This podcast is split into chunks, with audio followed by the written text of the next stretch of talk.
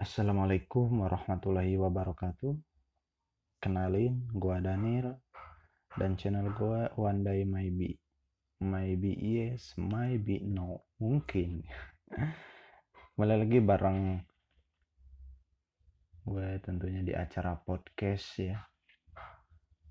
Semoga podcast gue malam ini bisa menemani aktivitas Anda yang sedang beraktivitas, belajar, sedang menyetir mungkin, dan semoga bisa melelapkan istirahat Anda yang sedang akan menuju mimpi indah. Kali ini kita akan membawakan podcast dengan judul Lulus.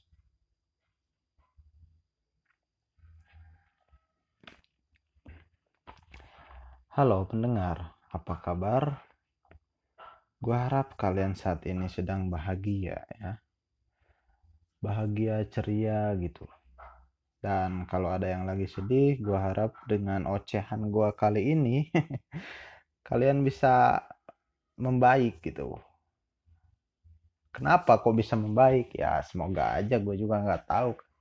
Yang namanya orang masalahnya nggak tahu gitu kan. Mungkin setelah denger bacotan gue dia seneng apa senyum-senyum sendiri gitu jadi melupakan beban pikirannya atau mungkin setelah dengar bacotan gue dia menjadi terinspirasi dan akan mencoba hal baru dalam hidupnya ya semoga aja gitu. Karena eh, di sini gue mencoba berbagi inspirasi dan motivasi semoga ya dan mungkin gitu.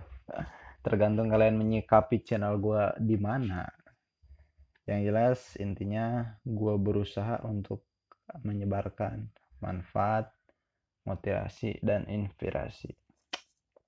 Oke masuk ke judul uh, lulus.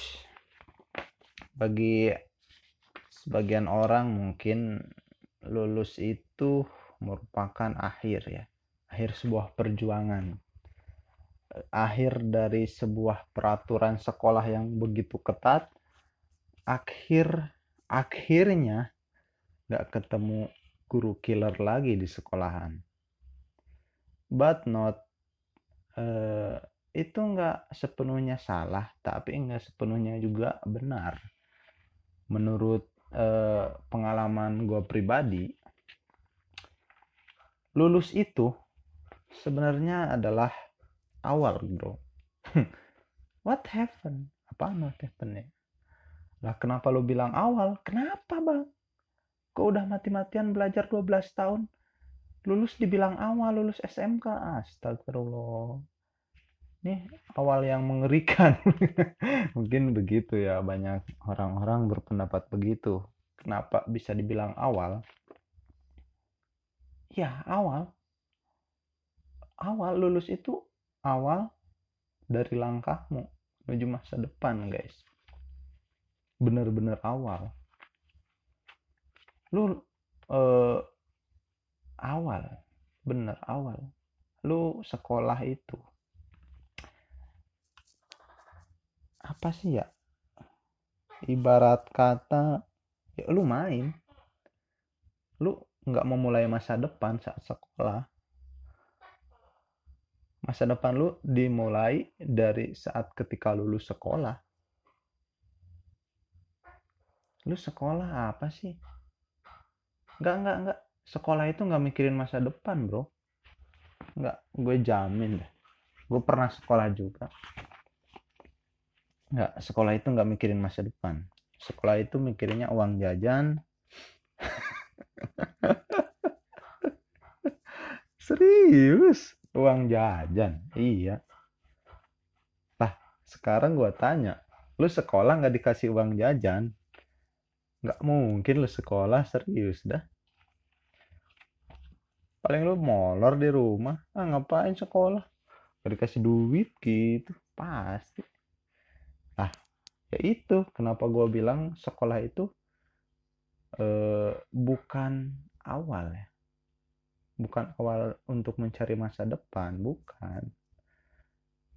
Lulus, lulus udah. Lulus itu awal men, awal kalian melangkah untuk menuju masa depan gitu. Titik. Nggak pakai koma udah gitu. Lah kenapa? Ya eh, itu kenyataan. Karena lu bisa sukses lu bisa berkarya lu bisa uh, nuangkan ide-ide lu lu bisa bebas berpendapat apa pun bisa lu lakuin setelah lulus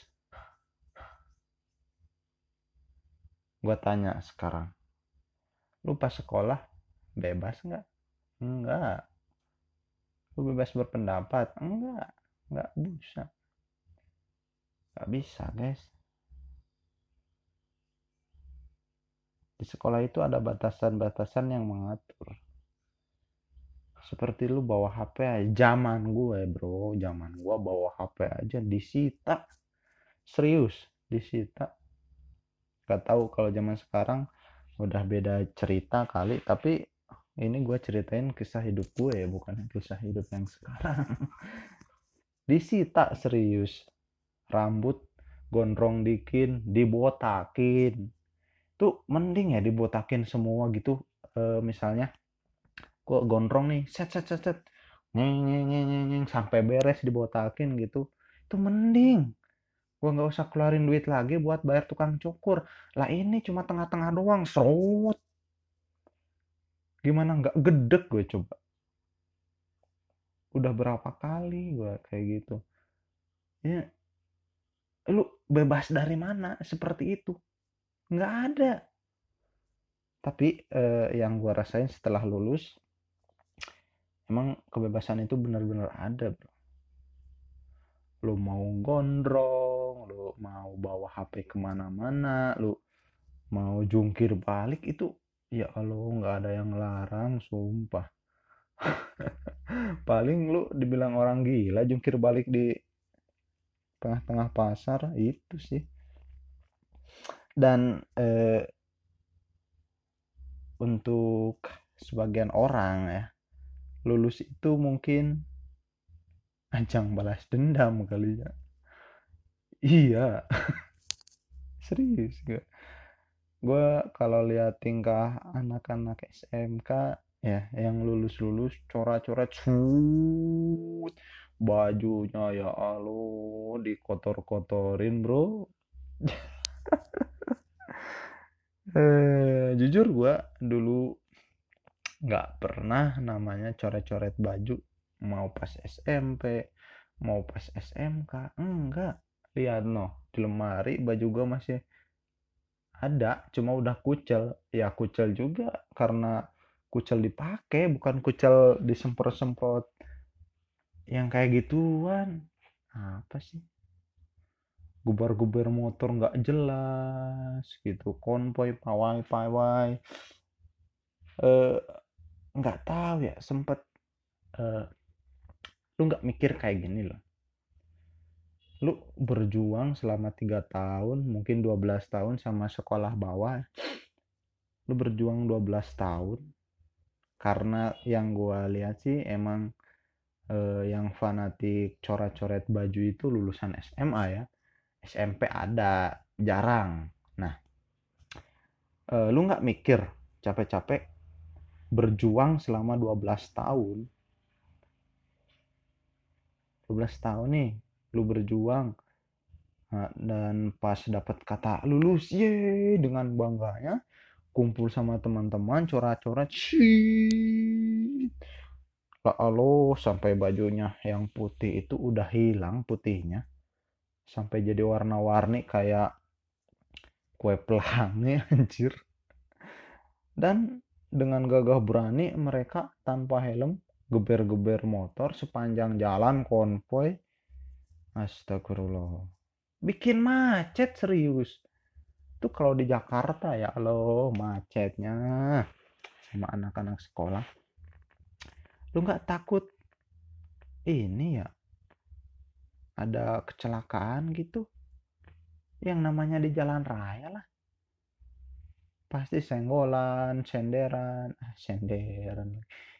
Eh, yang namanya di jalan raya pastilah ada resiko kecelakaan gitu. Lu nggak takut lu capek-capek berdua berjuang 12 tahun lu baru dapat kata lulus tiba-tiba udah almarhum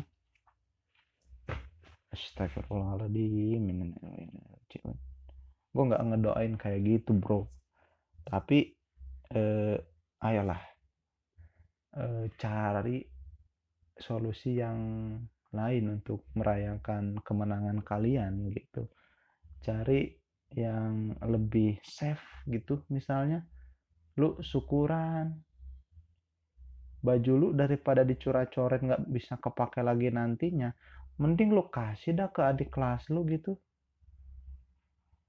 Lumayan bisa dipakai lagi buat dia mungkin bajunya udah sobek nan baju lu masih bagus ya siapa tahu gitu kan. Pasti eh, di sekolah lu ada lah. Ada beberapa orang yang nggak bisa ganti baju tiap tahun. Kenapa lu nggak kasih kepada mereka aja gitu daripada sayang? Nggak ada manfaatnya serius dicoret-coret. Serius deh nggak ada manfaatnya. Coba lu berbagi gitu. Memberikan manfaat bagi yang lain kan lebih indah. Siapa tahu nanti kalau adik adik kelas lu itu yang udah lulus yang lu kasih seragam tiba-tiba sukses dan lu lagi bingung butuh kerjaan dia ngajak gitu kan. Bang lu juga pernah baik sama gue ayo ikut bang. Ada lowongan di sini. Kan nggak tahu dunia itu berputar bro. Bagaikan roda. Kalau lu jadi duri serius. Kalau lu jadi duri saat di bawah nih rodanya gembes nggak mau berputar lagi lu tetap di bawah selamanya anjir. Bersyukurlah bersyukurlah saat di atas eh, ber ini apa namanya? Astaga. Kata-kata aja susah banget prihatin lah saat di bawah bro. Hadapi dengan tegar kenyataan. Itu dan kebanyakan dari anak-anak yang lulus itu eh, mungkin mereka nggak pernah berpikir apa yang sedang menanti di hadapan mereka gitu eh, bahkan eh, gue pas di pabrik ya dulu di daerah Jawa Barat di pabrik eh, lihat anak-anak coret-coret gitu ya. Sama anak-anak pabrik diketawain serius. Mereka nggak nggak ngucapin selamat datang buat para alumni 2000 berapa gitu enggak. Mereka itu menyambutnya dengan kata-kata selamat datang para pengangguran terbaru gitu bro. Pengangguran angkatan 2000 berapa gitu. Loh kenapa dia bilang pengangguran? Ya ya udah sih. Mereka lulus nggak sekolah lagi nih. Ya udah kadang beberapa orang tua stop keuangan mereka cari sendiri. Lu kan udah punya ijazah ngapain masih minta sama orang tua? Ini fakta bro. Orang tua itu nyekolahin anaknya buat bukan bukan buat senang-senang tapi supaya mereka punya ijazah tinggi dan bisa melamar pekerjaan. Dan kenapa lu lulus itu bahagia? Kenapa nyari kerja itu susah? You know nyari kerja itu susah dan lu udah nggak bakal dikasih uang tiap hari sama orang tua lu. Eh serius susah banget. Itu di mana emang fase-fase tersulit dalam hidup gue hampir berapa tahun gitu gue e, melewati fase-fase tersulit itu. E, sedikit e, emang oh iya emang ini kan cerita gue ya nggak sedikit sih emang isinya cerita gue semua. Ngapain sedikit? Jadi e, ceritanya gue itu akan ujian ya. Udah kelas 3 akhir dan bentar lagi mau ujian. Oh seneng dong gua bentar lagi mau lulus gitu kan. Ternyata setelah lulus itu bayangan gua terhadap dunia luar kerja itu nggak seindah apa yang gue bayangkan saat sekolah. Oke, dengerin baik-baik. Dulu pas sekolah gue, aduh, capek banget, ada PR, capek banget, ada tugas, capek banget ngerjain soal latihan tiap hari, soal ulangan, ujian gitu. Tapi capek kalian cuma sebatas itu, bro. Capek kalian cuma sebatas jam 9 beres ngerjain PR tidur nyenyak udah. Nggak ada lagi serius. Terus mis istilahnya lu lu nggak ngerjain PR juga adalah temen yang berbaik hati di sekolah yang ngasih jawaban mereka gitu. Tuh cuma kecapean lu cuma sesederhana itu dan yang gua rasain setelah gua lulus SMK Wow. Masalahnya bebannya nggak bisa bro. Nggak bisa dibagi ke orang lain. Nggak bisa nyontek ke orang lain biar kita bahagia. Enggak penyelesaian masalahnya benar-benar harus kita urus sendiri. Yang dulu PR itu PR matematika itu masalah terbesar beberapa orang siswa tapi ada jalan keluarnya. Mereka bisa nyontek nggak gue gue nggak ngajari nyontek. Cuma ini sebuah fakta ya. Fakta di lapangan emang mengatakan saat beberapa saat satu kelas mendapat PR matematika hanya beberapa gelintir orang yang mengerjakannya. Sedangkan sebagian besar dari mereka itu nyontek udah gitu. Ini fakta pengalaman gue sekolah.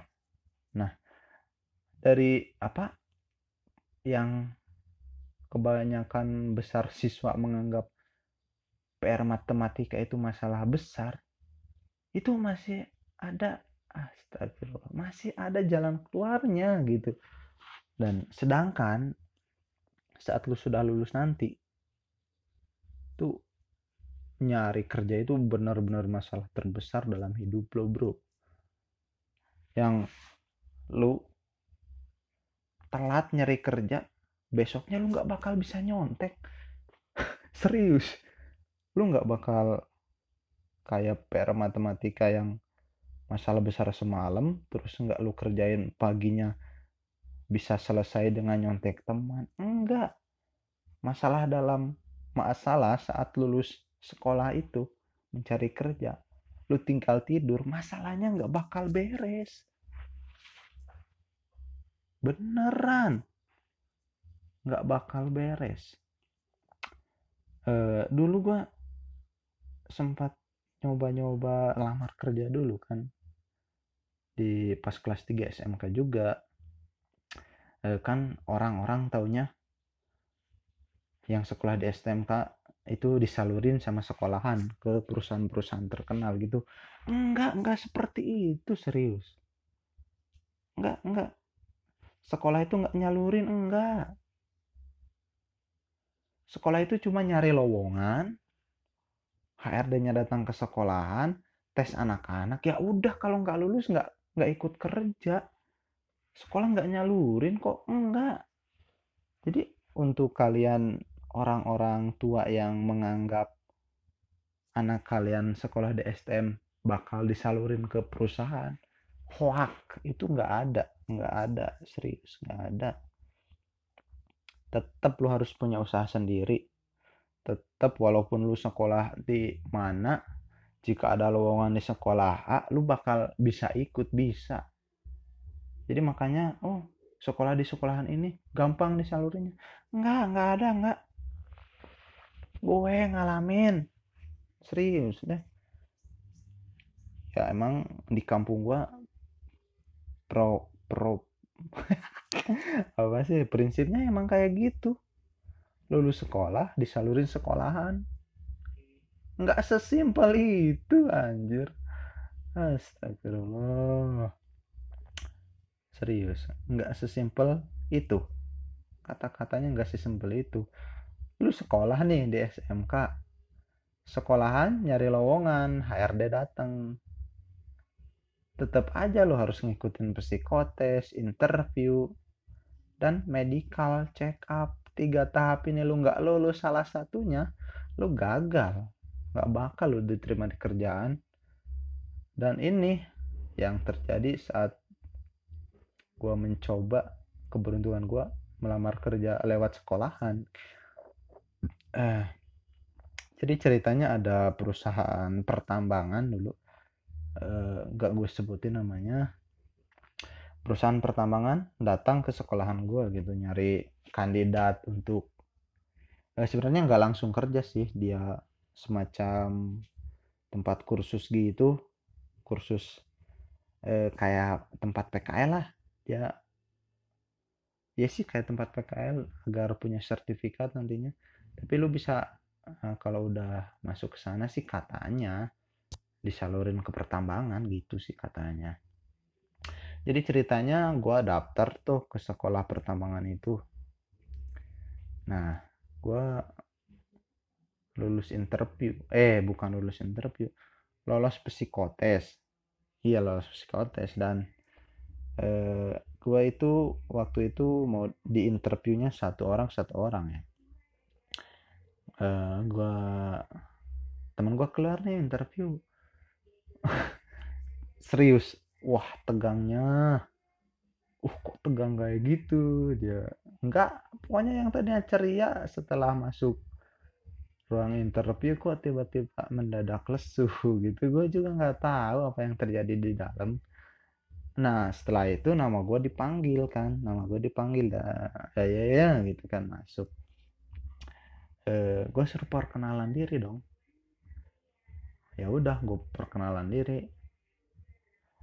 Uh, halo, gue Daniel dan channel gue. Enggak, enggak gitu, Pak, enggak gitu. enggak, bukan, bukan opening, perkenalan diri.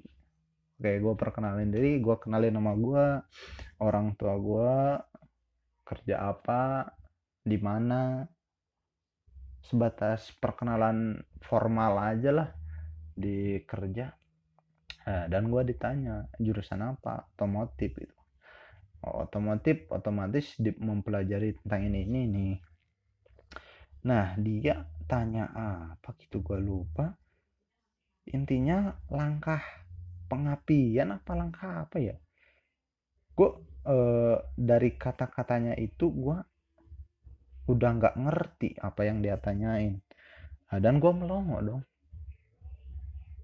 serius gue melongo karena apa? Dia nanya pertanyaan yang kayaknya belum gue dapet di sekolahan. Nah karena gue diem nggak seribu bahasa nggak tahu dia uh, mulai ini tuh mulai kesel kali ya. Dia bilang gue nggak pernah sekolah lah ini gurunya gimana lah ah udah sih abis gue di nggak habis sih masih ada cok.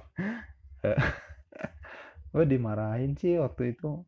Nah terus saking gedeknya mungkin ya pihak eh, sana HRD sana suruh suruh nanya ke guru gue sana tanya sama guru kamu ya udah dong gua tanya sama guru gua. Nah sama guru gua dikasih tahu. E, gua kan dikasih pertanyaan. Nah gua nggak tahu suruh, gua suruh nanya ke guru gua. Gue nyarilah guru gue lari-lari gitu kan ke kantor otomotif. Nah ada nemu salah satu guru. Dia ngerti oh iya dikasih disuruh nanya. Dikasih tahulah sistem langkah tersebut. Gua lupa apa sih yang ditanyain. Pokoknya kayak langkah-langkah dalam otomotif gitulah. Langkah pengapian apa langkah apa gue juga lupa. Dikasih tau lah gue kayak gitu dijelasin. Terus gue bawa ke HRD nya ya Allah gue dimarahin bro. Salah katanya. Lah kok bisa salah ini guru gue yang ngasih tahu anjir parah nih ada kok persepsinya bisa beda sama guru gue yang gue nggak tahu lah guru aja bisa salah apalagi gue gitu kan. Gue disuruh abis gue dimarahin gue dimarahin suruh push up. Berapa kali lah pokoknya sampai capek. Ham, uh, serius itu event ah event lagi pengalaman pertama gue interview wawancara gue abis dimarahin serius. Dari situ gue agak agak-agak trauma gimana gitu. Trauma.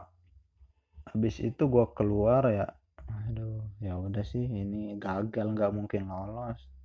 Gue udah pesimis duluan bro. Lah emang kenyataannya kayak gitu gue udah caci maki di dalam. Uh,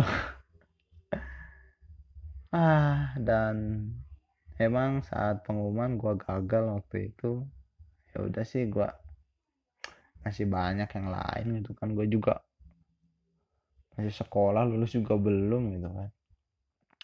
Terus uh, ada lagi tuh loker. Jauh banget di Purwokerto. Ya gue sebutin kota deh. Ah bodo amat lah. Jauh ya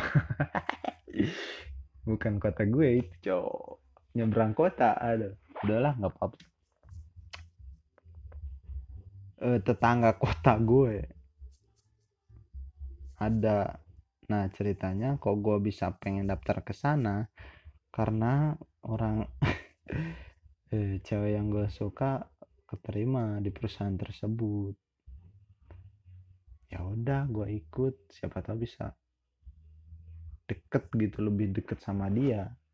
What the fuck man? Bucin anjir. Enggak. Enggak apa-apa sih. Eh, perasaan cinta itu normal. Fitrah itu udah fitrahnya manusia. Cuma eh, bagaimana anda melampiaskan cinta tersebut? Bagaimana caranya?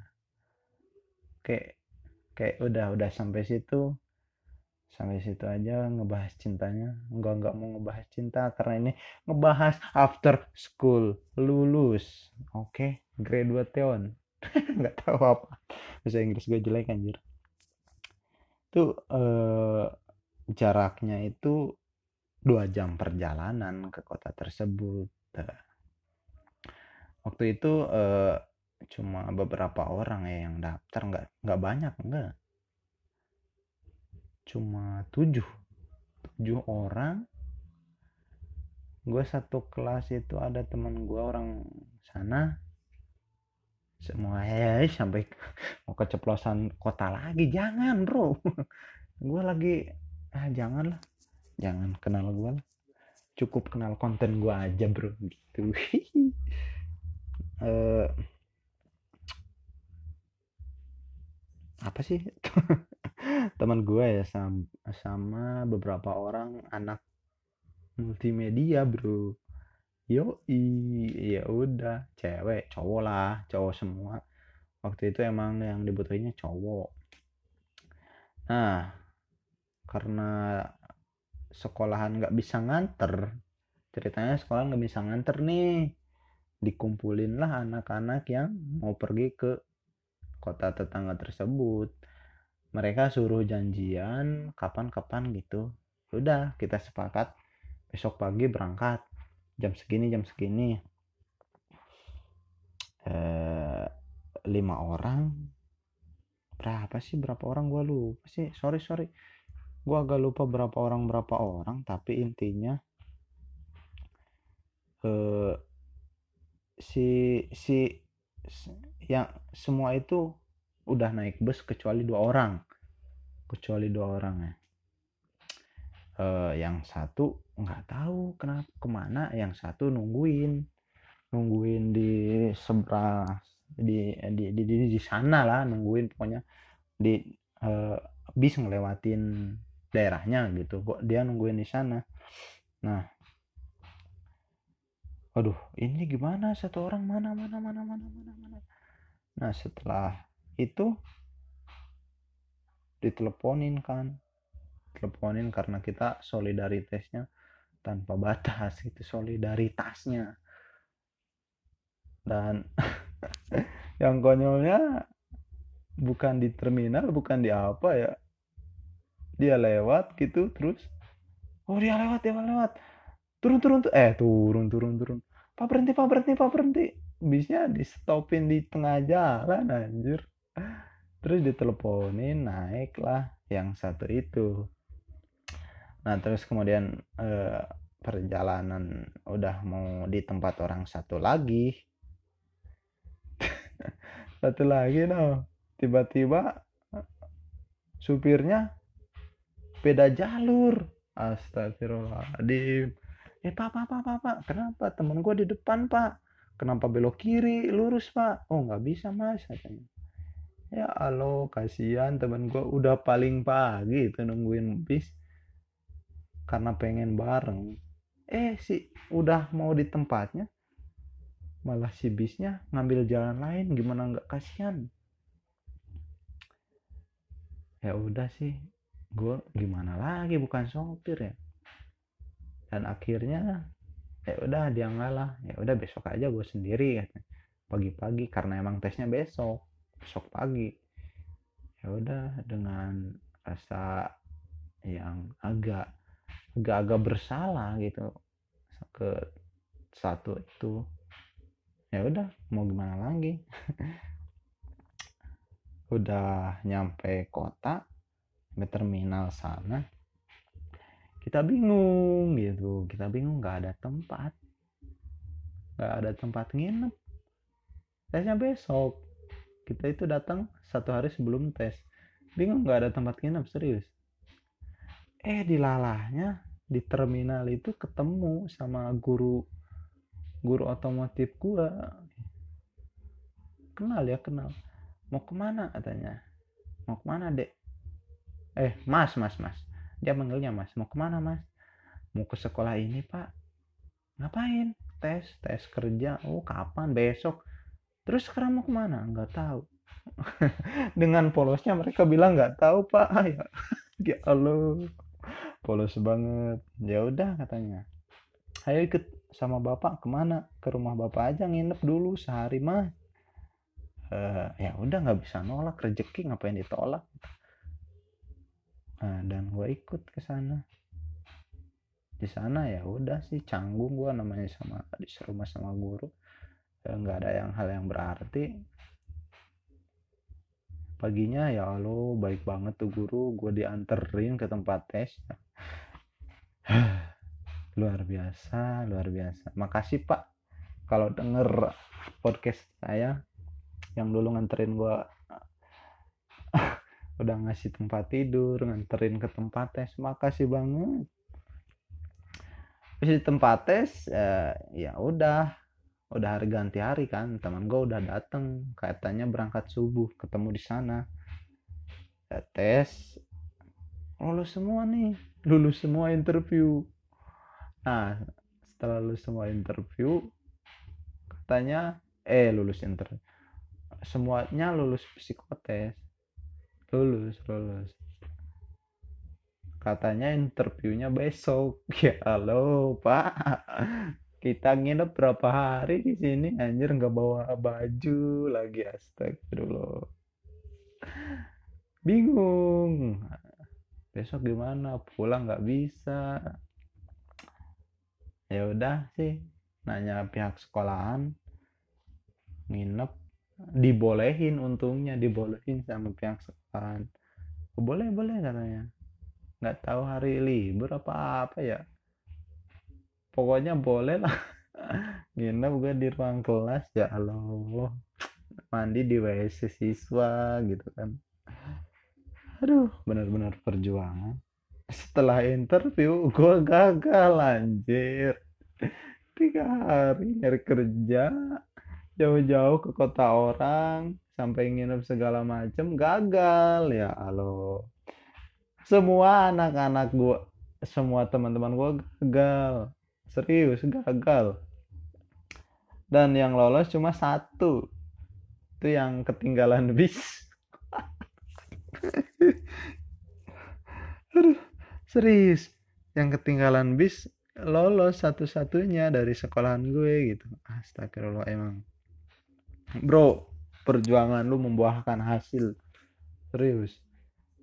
Saat ah, jadi pelajaran yang lo dapat dari sini adalah saat lu kehilangan satu peluang dan ada peluang kedua lu jangan sia-siakan peluang kedua itu. Seperti teman gue ini uh, sehari sebelum tes dia ketinggalan bis.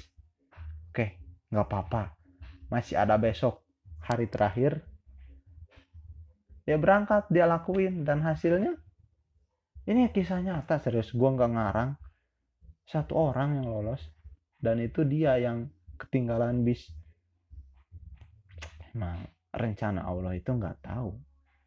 Saat kita sudah ini saat kita terus berusaha saat kita terus berjuang walaupun hampir gagal. Bisa dibilang gagal tapi kalau kita masih semangat untuk berusaha bekerja berjuang. Kerja keras kita tidak akan mengkhianati hasil bro. Percaya sama Allah. Mungkin banyak ah bang gua kerja keras banting tulang. Kerja keras banting tulang tetap aja gagal. Eh bro jangan berkecil hati. Ini masih sekedar duniawi.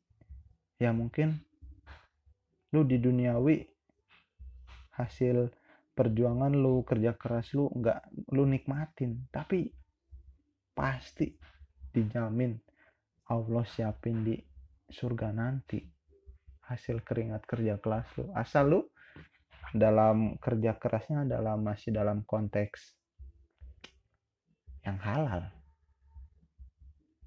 Gitu sih gua. Uh, gitu apaan sih anjir? Nggak jelas banget. Oke. Jadi intinya intinya dari kesimpulan dari cerita gua itu janganlah terlalu senang saat lulus sekolah karena itu hanya awal dari langkah Anda menuju masa depan gitu. Dan jangan pernah Anda menyerah saat Anda dihadapkan pada situasi sulit. Karena di balik sebuah masalah pasti ada jalan keluar yang bisa kalian cari gitu. Mungkin itu ya kesimpulan dari cerita gue malam hari ini. Jadi intinya berjuang. Jangan pernah menyerah. Optimis pada hidup ini aja. Tapi jangan lupa berdoa karena segala kemungkinan itu pasti akan ada. Mungkin maybe. Siapa yang tahu? Cuma Allah yang tahu guys. Ah akhirnya udah sampai tahap kesimpulan. Eh sebenarnya gue masih pengen berbagi cerita dan inspirasi sih. E, cuma mungkin udah terlalu lama lah besok lagi gue sambung dan besok lagi gue akan terus memberikan motivasi dan inspirasi untuk uh, kalian semua para pendengar dan ingat baik-baik kesimpulan gue cerita ini. Jangan pernah menyerah sampai benar-benar perjuangan Anda berakhir. Terus berjuang. Oke? Karena sudah sampai kesimpulan berarti acara podcast gue kali ini akan segera berakhir gitu. Semoga eh, podcast gue malam ini memberikan sebuah motivasi ya, sebuah inspirasi untuk kita semua tentunya dan semoga bermanfaat. Dan gue mohon maaf bila ada kata-kata yang salah, bila ada kalimat yang menyinggung kalian, kalimat yang gak enak untuk kalian dengar, gue mohon maaf karena gue juga manusia biasa yang tidak luput dari kesalahan oke okay. sok keren oke okay. gue Daniel dan channel gue One Day Maybe pamit undur diri di acara podcast malam ini assalamualaikum warahmatullahi wabarakatuh